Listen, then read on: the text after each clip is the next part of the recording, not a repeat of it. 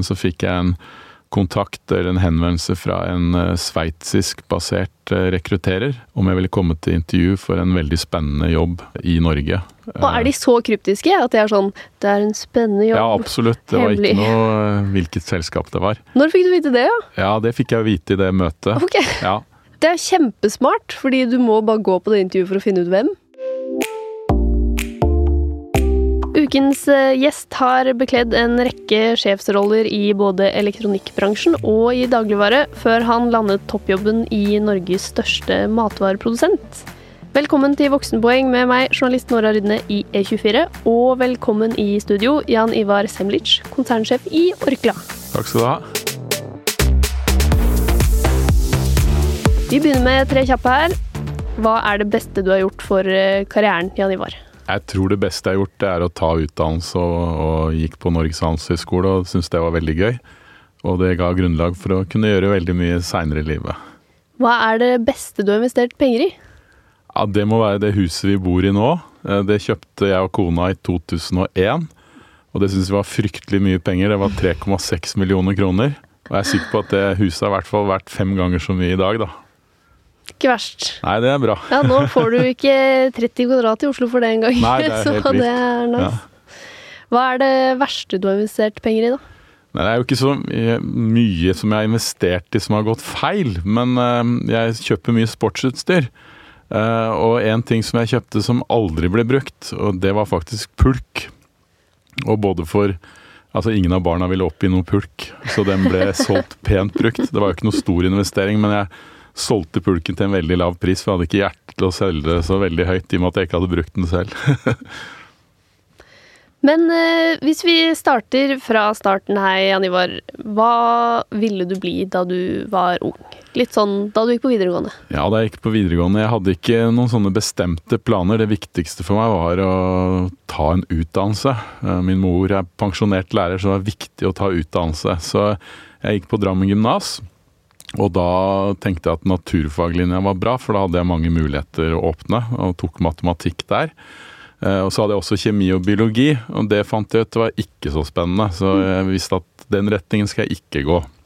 Skulle ikke bli ingeniør av deg. Nei, det skjønte jeg at det var egentlig ikke for meg, i hvert fall eh, ut ifra videregående. Så, så begynte jeg å orientere meg litt mer mot økonomi.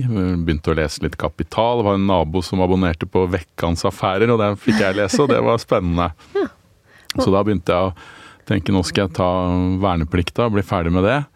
Eh, Og så kanskje komme meg inn på et økonomistudie, og så endte jeg på Norges handelshøyskole. Høres ut som er veldig fornuftig ungdom. Ja, altfor fornuftig. Så, så det, det Ja, jeg leste ganske mye. Det gjorde jeg. Men eh, hvorfor tror du at du var så fornuftig som ungdom, da? Nei, jeg vokste opp med alenemor og min eh, yngste bror. eh, og vi hadde ikke god råd, så det var liksom viktig for meg å kunne ja, få en jobb eh, når jeg var ferdig med studier. eh, og var nok litt sånn pliktoppfyllende. Eh, tok mye vare på min yngre bror og passa på han. Så, så det lå nok litt helt fra barndommen av oppdragelsen. eh, og var nok liksom opptatt av å vise at jeg kunne gjøre det bra, da. Så, så det tror jeg prega meg mye siden også. Ja, At du liksom tenkte at eh, du skal tjene penger og ha, det, ha, mer, ha bedre rå- råd? Ja, jeg tror litt sånn, var nok litt sånn sulten som drev meg litt på det. Eh, men så syns jeg det var morsomt å gå på skolen. Altså ikke morsomt, men jeg syns det var mye spennende å lære. Eh, så, så det var vel litt av bakteppet for det òg. Hvor var pappa? Du, han flyttet tilbake til Canada da jeg var seks år gammel. Ja. Eh, Men jeg besøkte han mange somre sidene, så det var veldig ålreit. Men da ble det på en måte oss tre som ble veldig sammenknyttet som, som familie, da. Det er bra å høre at det ikke er et stort traume som ligger der. Absolutt ikke. Jeg hadde en fantastisk barndom, så jeg tenkte ikke mye på det. Så kjempefin barndom. Ja, nettopp. Men eh, begge foreldrene dine var lærere? Begge var lærere, så, så det er klart jeg har fått mye lærerblod inn i kroppen. Og det var veldig viktig å holde tida, så jeg fortsatt har det i meg. Det der med å holde tida er veldig viktig. Så det er sjelden, sjelden jeg er for sein til ting. Det, det ligger litt sånn dypt inni meg. Men det var litt sånn arvelig yrke, da. Var det, hvem eh, var det som påvirka deg i retning økonomi? Kom det helt fra deg selv og naboens eh, abonnement på magasiner, eller? Jeg hadde en onkel, min mors bror, som eh, var foreleser på NHH, eh, og som også seinere ble rektor på Handelshøyskolen. Så det er klart, han var nok en rollemodell og som jeg så litt opp til, uten at jeg egentlig tenkte så mye over det. Så, så det gjorde nok også at når jeg først skulle velge økonomi, så var det på en måte NHH jeg skulle velge. Eh, det ville vært litt sånn nedtur for han, tror jeg, og, og gått for BI. Ja, ok. Men eh, hvordan var eh, studietiden, da?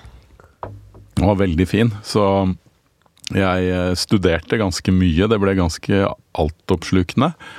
Og jeg trivdes veldig godt med studiene. Det var morsomt, det var lærerikt. Så, så jeg var jo litt nerd. Jeg studerte ganske mye, altså.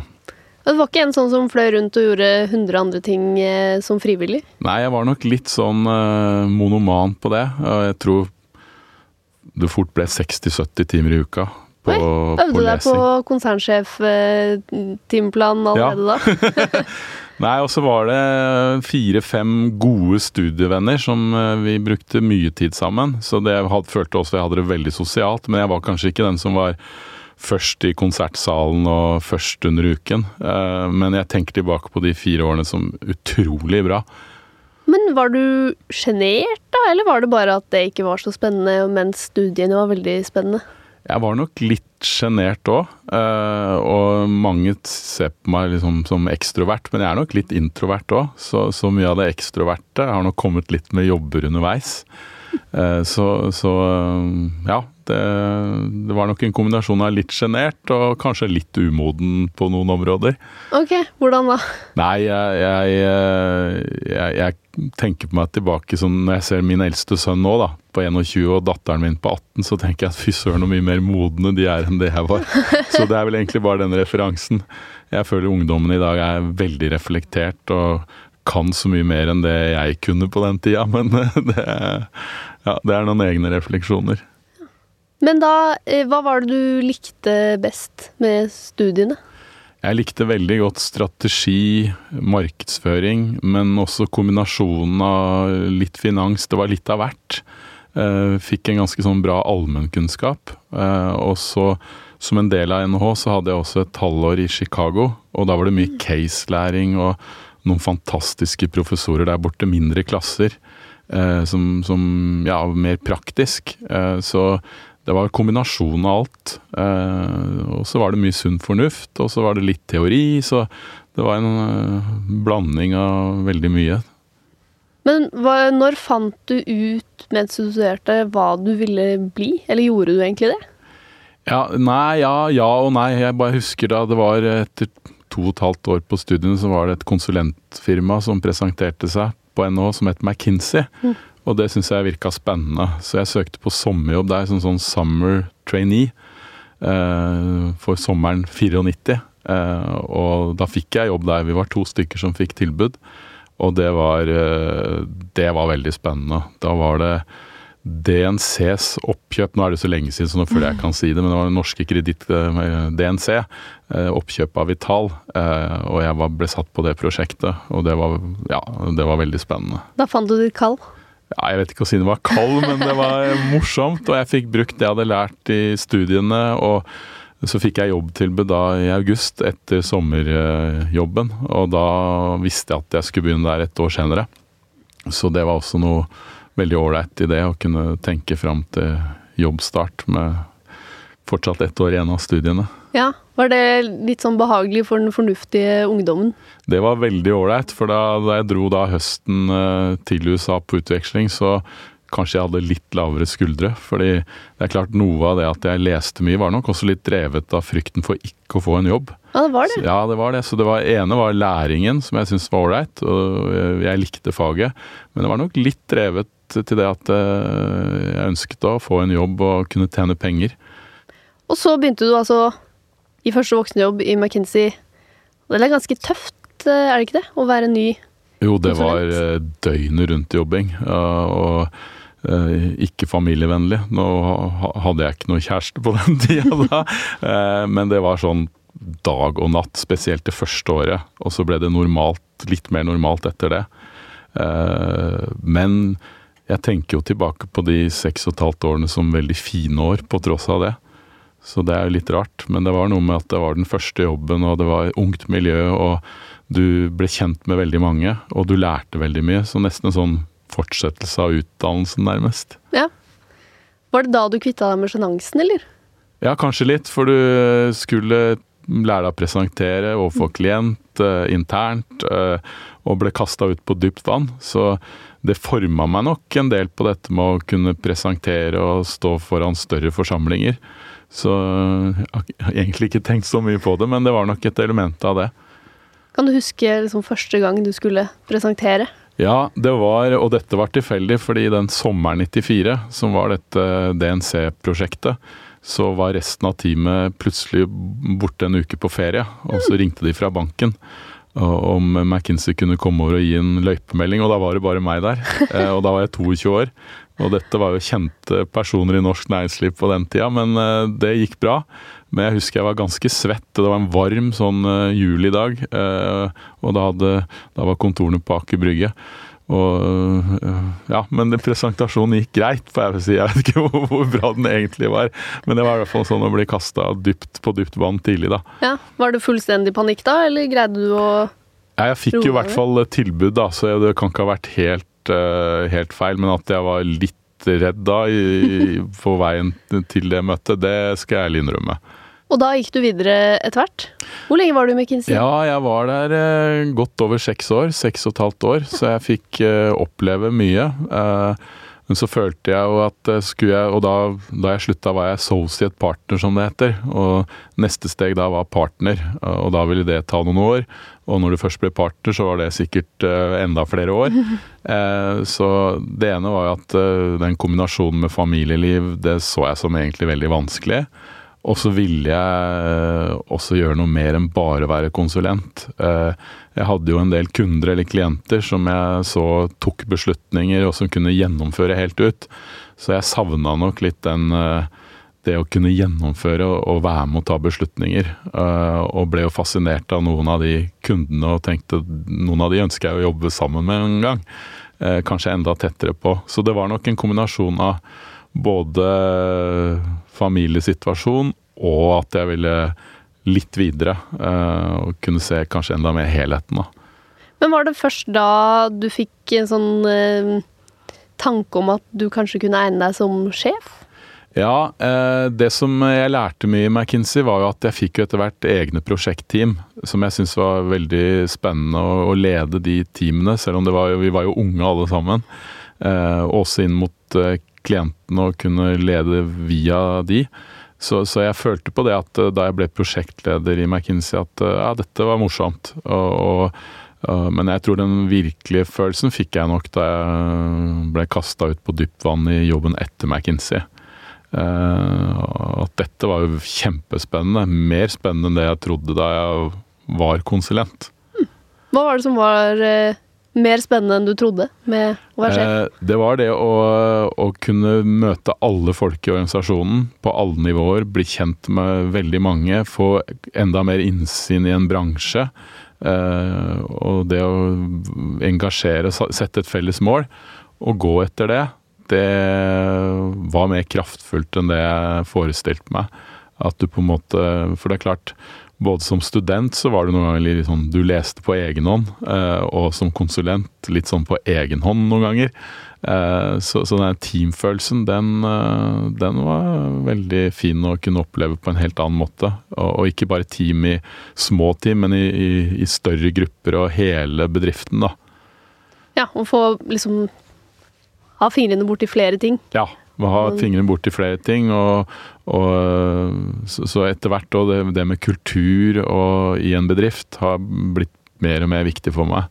Det at du liksom har en sterk felles kultur og, og klarer å gå i felles retning, det gir noen ganger synes jeg, kjempemotivasjon og stor kraft. da. Hvordan skaper man det som leder? Jeg tror eh, det at man eh, er engasjert selv, at det er litt sånn walk the talk, eh, og at du er i stand til å snakke med alle.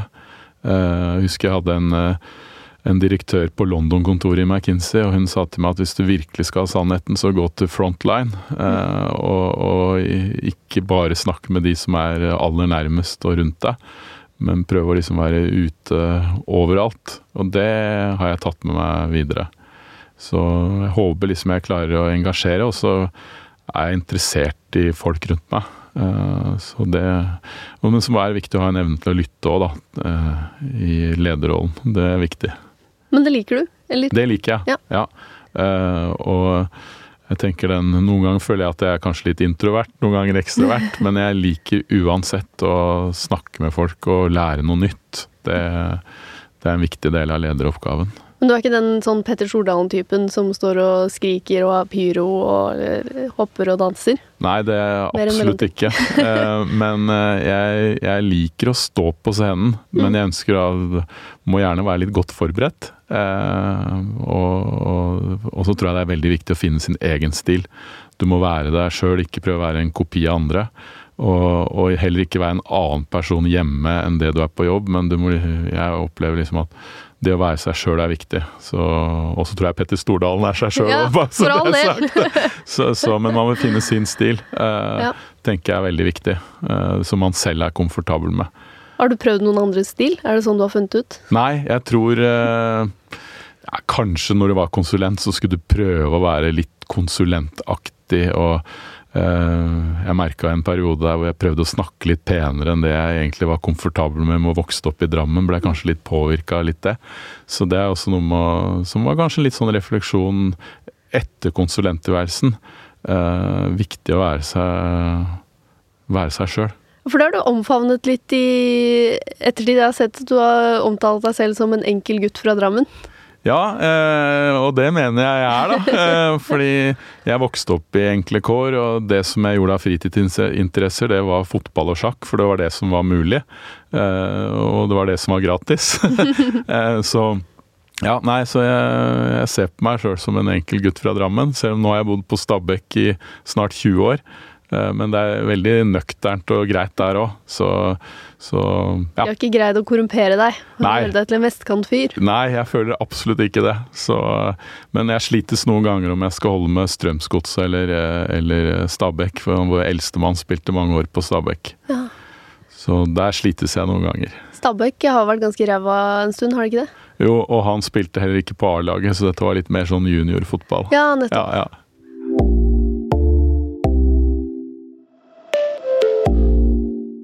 Du har jo en veldig lang CV, Jan Ivar. Du har bytta jobb ganske mye.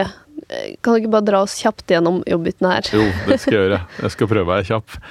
Etter McKinsey så begynte jeg i noe som het Ekspert Danmark, eh, og var administrerende der i tre år. Og så eh, gikk jeg over til Statoil detaljhandel. Eh, så det er bensinstasjoner? Bensinstasjoner, ja. og det var i alle åtte land som Statoil opererte. Og der var jeg i tre år. Eh, og så eh, og, ja, og hadde ansvar, mye ansvar for drift da, eh, for, for disse stasjonene. COO, som det heter så fint. og så, og der kunne jeg vært lenge og trivdes veldig godt. Hadde en veldig dyktig leder, Jakob Skram, som nå jo er i Norwegian. men så fikk jeg tilbud fra Private Equity og Plantasjen å være konsernsjef der. Så var jeg der i to år, og så fikk jeg et veldig spennende tilbud fra Ole Robert Reitan. Så var jeg i Rema Industrier i tre år og var med å bygge opp det, som var en del av Rema. Og så begynte jeg i Elkjøp Nordic som konsernsjef, og da er vi i 2013. Og der var jeg nesten i nesten syv år, eller seks og et halvt år. Um, så du kan si den um, Og så begynte jeg da i Orkla august 2019. Ja. Så hvis det er noe rød tråd her, så er det vel at det har vært veldig mye handel og forbrukerrelatert fast moving consumer goods. Eh, men i en periode der så var det nok eh, litt hyppige bytter. Kanskje også fordi som konsulent så så du veldig mange forskjellige bedrifter. Så jeg ble kanskje litt utålmodig, særlig i starten. Mm. Men det var ikke noen sånn klatrefølelse òg? At du hele tiden ville litt høyere? Litt høyere? Jo, kanskje et element av det. Eh, kombinert med litt utålmodighet. Og så kanskje noen headhuntere som rørte litt opp i ting.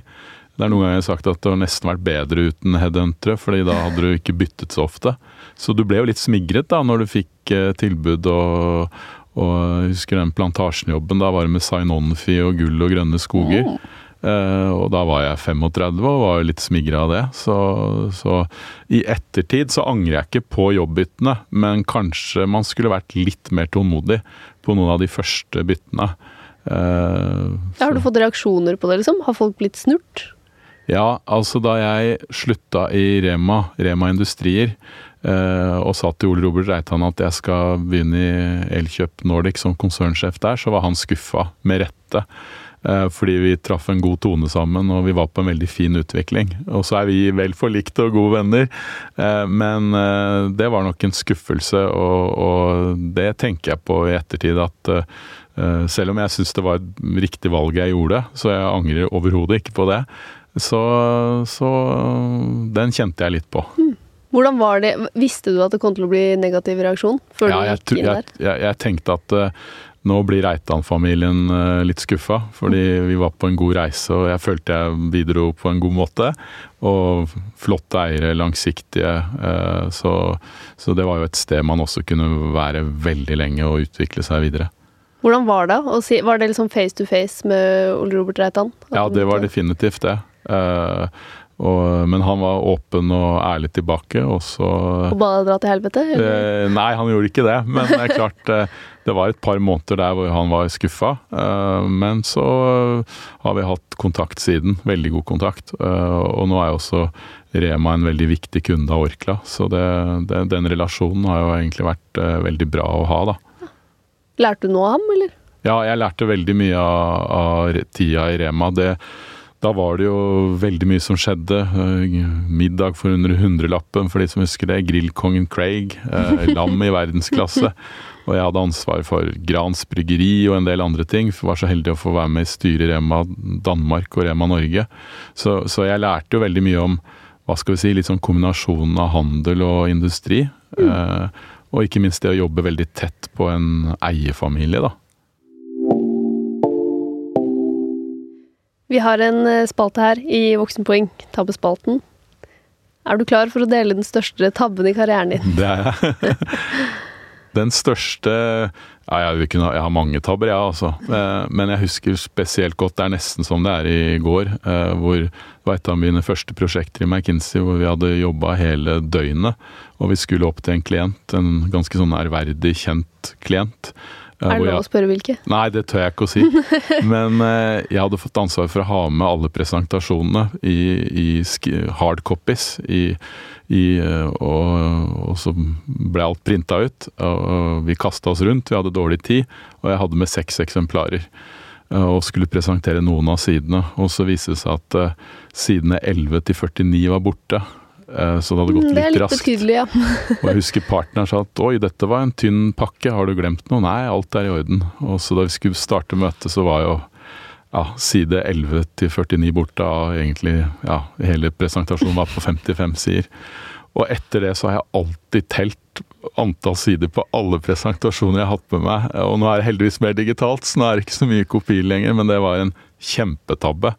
Og, og, og, da var jeg jo veldig fersk i arbeidslivet, så jeg husker jeg så ikke godt på mange mange netter. Og kanskje litt med den pliktoppfyllende greia i bånn, da. Så ja. Fikk du kjeft da, eller? Nei, de tok det veldig, veldig ålreit. Eh, og det var også noe jeg tenkte i ettertid. Du fikk jo ikke gjort noe med det da. Og vi klarte vel å sånn, få et greit møte, men det var ikke noe sånn suksessmøte. Det var det ikke. Det var fortsatt noe du tenker på? Eh, ja, eh, og det at det er mindre papirkopier nå og bedre printere det, når det først er kopier, det er veldig greit. og så gjelder det ikke å være så trøtt heller, kanskje, for vi hadde jo jobba ja. ganske mye. Ja. Selvfølgelig, det var lærdommen du tok med deg. Det er derfor man skal sove. Ja, helt riktig. Har du noen tabber i sjefsstolen, da? Åh, eh, ja, jeg tror jeg var med på en situasjon hvor vi skulle selge en virksomhet. Eh, og vi var veldig fornøyd med det salget, hadde fått en god pris. Og dette var en virksomhet som var i Irland. Men vi undervurderte, eller jeg undervurderte helt de ansattes reaksjon på det kjøpet, eller det salget. Fordi eh, kjøperen var en private equity-spiller som eh, egentlig gjorde kanskje tryggheten for de ansatte dårligere. Og det undervurderte vi når vi skulle ha et allmøte og annonsere det salget i Irland. Så det, det tenker jeg på i ettertid. Det er veldig viktig hvem du også selger til. Og dette var jo i ganske ung alder. Ja. Uh, ja, når, hvor var du sjef da? Jo, da jobbet jeg i noe som het stat, eller i Statoil ja, detaljhandel. Ja, hvor den irske virksomheten ble solgt. Uh, Ler du godt nå når det samme skjer i Hydro?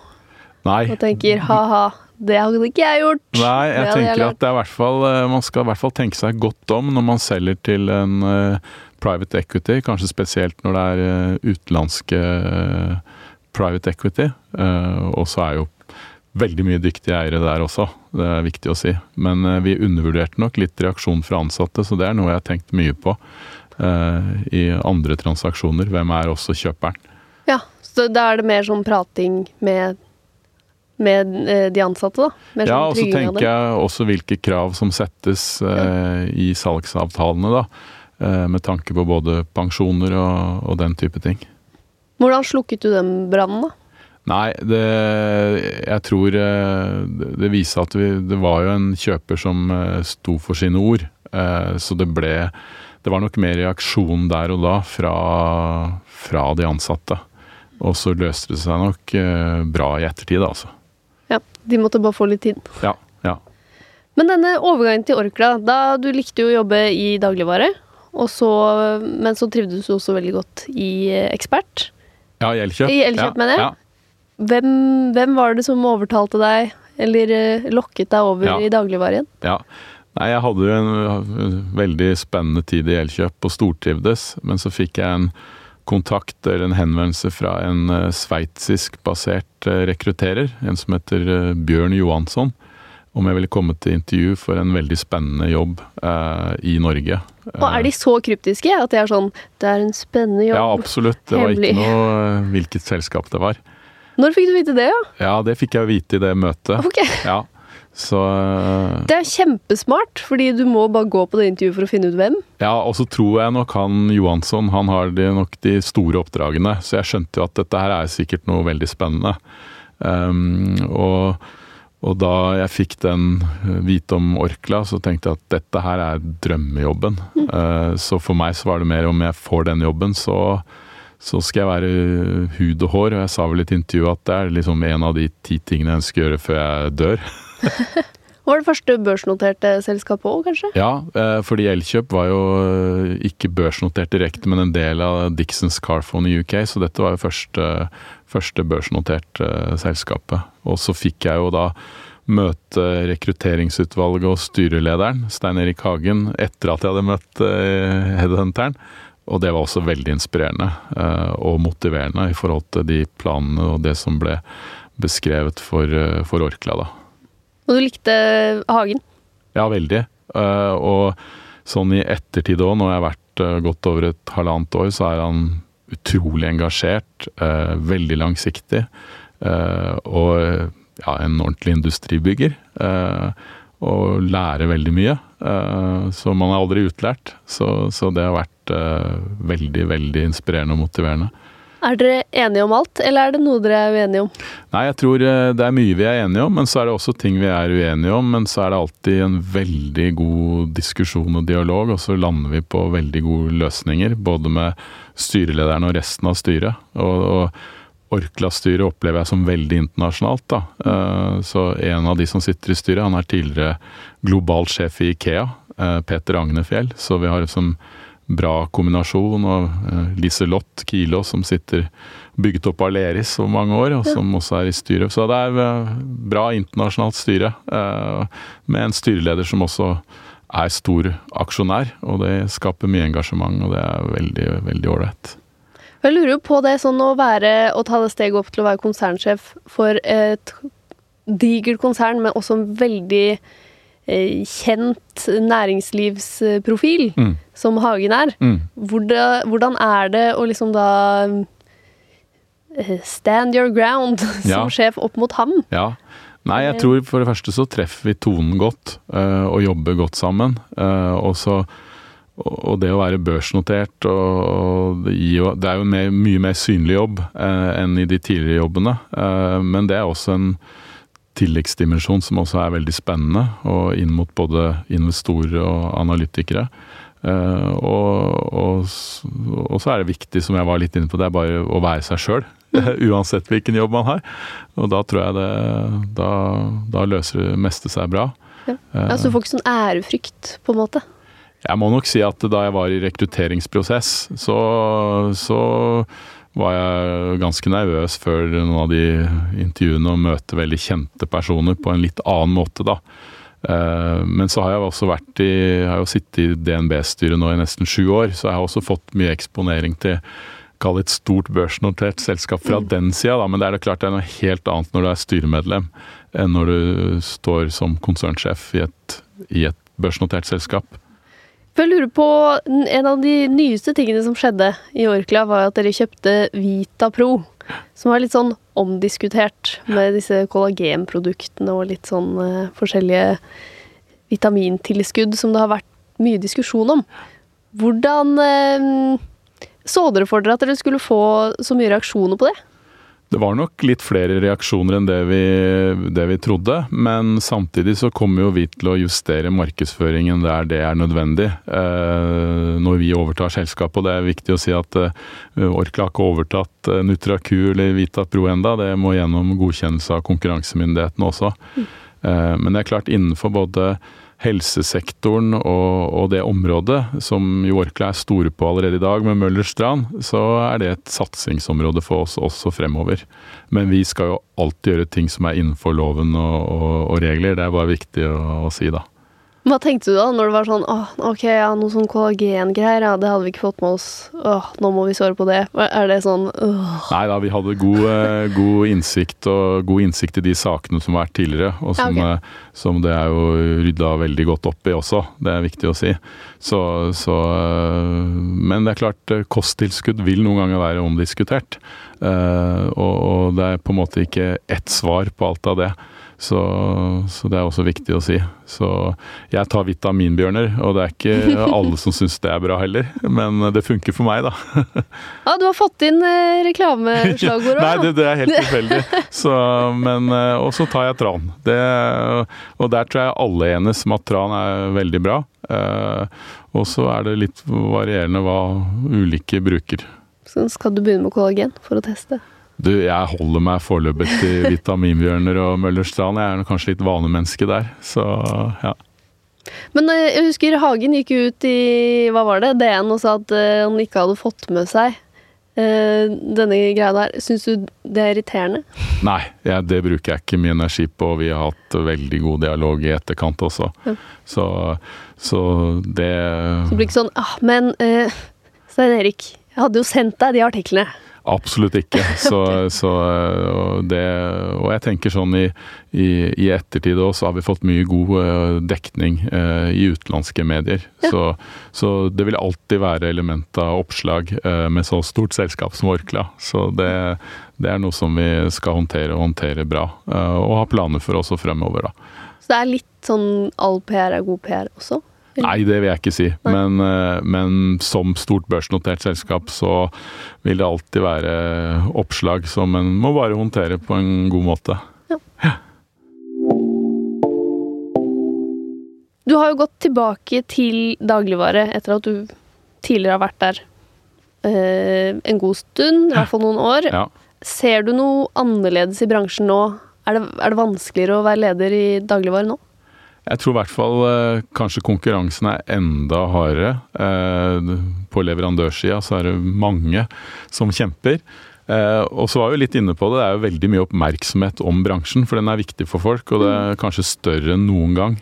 Og inn mot både konkurransetilsyn og øvrige myndigheter, og stortingsmeldinger. Og så er det klart at det å lede Orkla er noe helt annet enn den ene delen jeg hadde i Rema, så det er også en, en større del av det. Så er, jo, så er det jo alt dette med konkurransetilsyn og sånn, da. Hva tenker du rundt uh, bransjen i seg selv? Har dere en stor opprydning foran dere? Nei, Vi har jo jobbet med de problemstillingene over mange år eh, i Orkla. Eh, og eh, har god dialog med Konkurransetilsynet og syns også den stortingsmeldinga som har kommet nå, er veldig bra. Eh, den peker på en del ting mot leverandørene og mot kjedene, eh, og som jeg tror er bra. og disiplinerende for uh, bransjen. Uh, så, så, Og vi jobber jo godt med alle kundene våre, det er også veldig viktig å si. For det blir kanskje litt borte i, i all mediastøyen. Så kundene er veldig viktige for oss. Eh, Norgesgruppen, Coop, Rema, Kolonial. Så det, det, der har vi god dialog og gode relasjoner. Så det er en opprydning, men du har troa på den? Ja, og jeg tenker at uh, det at det kommer noen flere retningslinjer, og, og, også at vi har fått et dagligvaretilsyn, det tror jeg uh, Enda mer åpenhet i bransjen, det tror jeg er bra, jeg. Ja. Så, så, det, så vi syns den stortingsmeldinga som har kommet, er bra. Du syns det er mer gøy enn slitsomt? Eller? Ja, definitivt. Og, og, det er klart eh, det at, vi, at Orkla har vært definert som eh, samfunnskritisk under covid-19, det at eh, vi har levert viktige matvarer og viktige hygiene- desinfeksjonsprodukter under pandemien, det har vært veldig meningsfylt. Så jeg tror at grunnen til at det er mye engasjement i bransjen, er jo fordi den er viktig. Det er en det er jo litt sånn Formel 1 innenfor handel. Eh, kanskje også forbrukerelektronikk, men, men eh, det er viktig. Det er en stor del av lommeboka, og, det, og, du har også et veldig forhold til mange av merkevarene. Eh, det er jo merkevarer, ikke bare i Orkla, men andre selskaper òg, som har vært i Norge i generasjoner. Så da blir det mye følelser òg til, eh, til de merkene, og i konkurransen mot private label og hele den biten der. Har du en favorittmerkevare? Ja, eh, da jeg var student, så, så var, gikk det mye pizza Grandiosa. Ja. og så ler noen litt internt på Orkla, for jeg er veldig glad i spagetti à la Capri, og kona kan ikke fordra det. Men jeg er fortsatt glad i spagetti à la Capri. Så. Jeg er helt enig, den er undervurdert. Den er undervurdert, altså. Vi har en egen sånn spagetti à la Capri-sang i Orkla, så den eh, er en sånn velbevart hemmelighet. Kan du, kan du synge den? Nei, den, jeg husker ingenting av den, men det er kul melodi, og den er laget internt. Så Når ble den laget, da? Uff, et par år sia. Å ja, den er såpass ja, ny? Ja. Denne må jeg få tak i. Men den er ikke så bra som Full pakke og disse Grandiosa virkelige hitene vi har hatt. Så dere skal ikke reklamere for pasta Pasta la Capri med den nye sangen? Altså, akkurat spagetti à la Capri er nok ikke der vi har mest markedsføring bak. og det er jo sånn, Hermetikk var jo i nedgang i ti år før pandemien kom. Så ja. var det jo voldsom hamstring av Spagetti alla Capri for et år sia. Uh, så dere vurderte ikke å være sånn ok, Now's our moment. Nå kjører vi ut den sangen. Nei, jeg tror eh, det ligger nok andre midler eller andre merker vi legger enda mer trykk bak. Du nevnte jo denne sånn eh, bucketlista di. Ja. Det, har du gjort alt på den, eller eh, eller er det en ny jobb i horisonten etter hvert, som Nei. du tenker at eh, den må jeg også få med meg før jeg går av med pensjon? Nei, dette Orkla og å være konsernsjef der, det er på en måte drømmejobben og altoppslukende. Så, så jeg tenker på det tidspunktet jeg ikke er i Orkla lenger, så kan hende jeg gjør noe helt annet i livet. Så, Hva skulle det vært i så fall? Nei, altså jeg, jeg, kunne godt tenkt meg å skrive en sånn kriminalroman, jeg ja, altså. Ja. Men eh, det, jeg tror det bare blir på tankestadiet. Men å tenke noe helt annet, det kan godt skje. Eller gjøre noe annet. Noe kreativt? Ja, kanskje noe kreativt. Så da jeg tok verneplikta i militæret, så tok jeg X-fil, eller sånn forberedende ved siden av. Og den filosofidelen var veldig morsom. Eh, så tror jeg ikke jeg ville vært egna til noe karriere innenfor det nå, men eh, ja. Du lever bare én gang, så det kan godt hende man gjør noe helt annet på et eller annet tidspunkt. Men den er jo ung fortsatt. Ja da, du har noen år igjen. Ja, ja. Et par. Ja, mange år. Et par gode år. Vi har det faste siste spørsmålet vårt her, eh, Jan Ivar. Eh, hva ville du gitt 20 år gamle deg selv som råd, hvis du kunne reise tilbake i tid? Jeg tror kanskje jeg ville sagt at du kan slappe av litt mer, og du bør ikke lese så mye nødvendigvis. Eh, det ordner seg nok. Men samtidig ta studier, ta utdannelse. Det er viktig. Det gir deg masse muligheter framover. Tusen takk for at du eh, kom hit eh, i dag, Jan Ivar Semlic i Orkla. Tusen takk. Produsent i dag det var Annika Selin Bogen. Og hvis du vil lese skoledagboka til Jan Ivar, så må du gå og følge oss på Instagram. Der heter vi Voksenpoeng med Nora.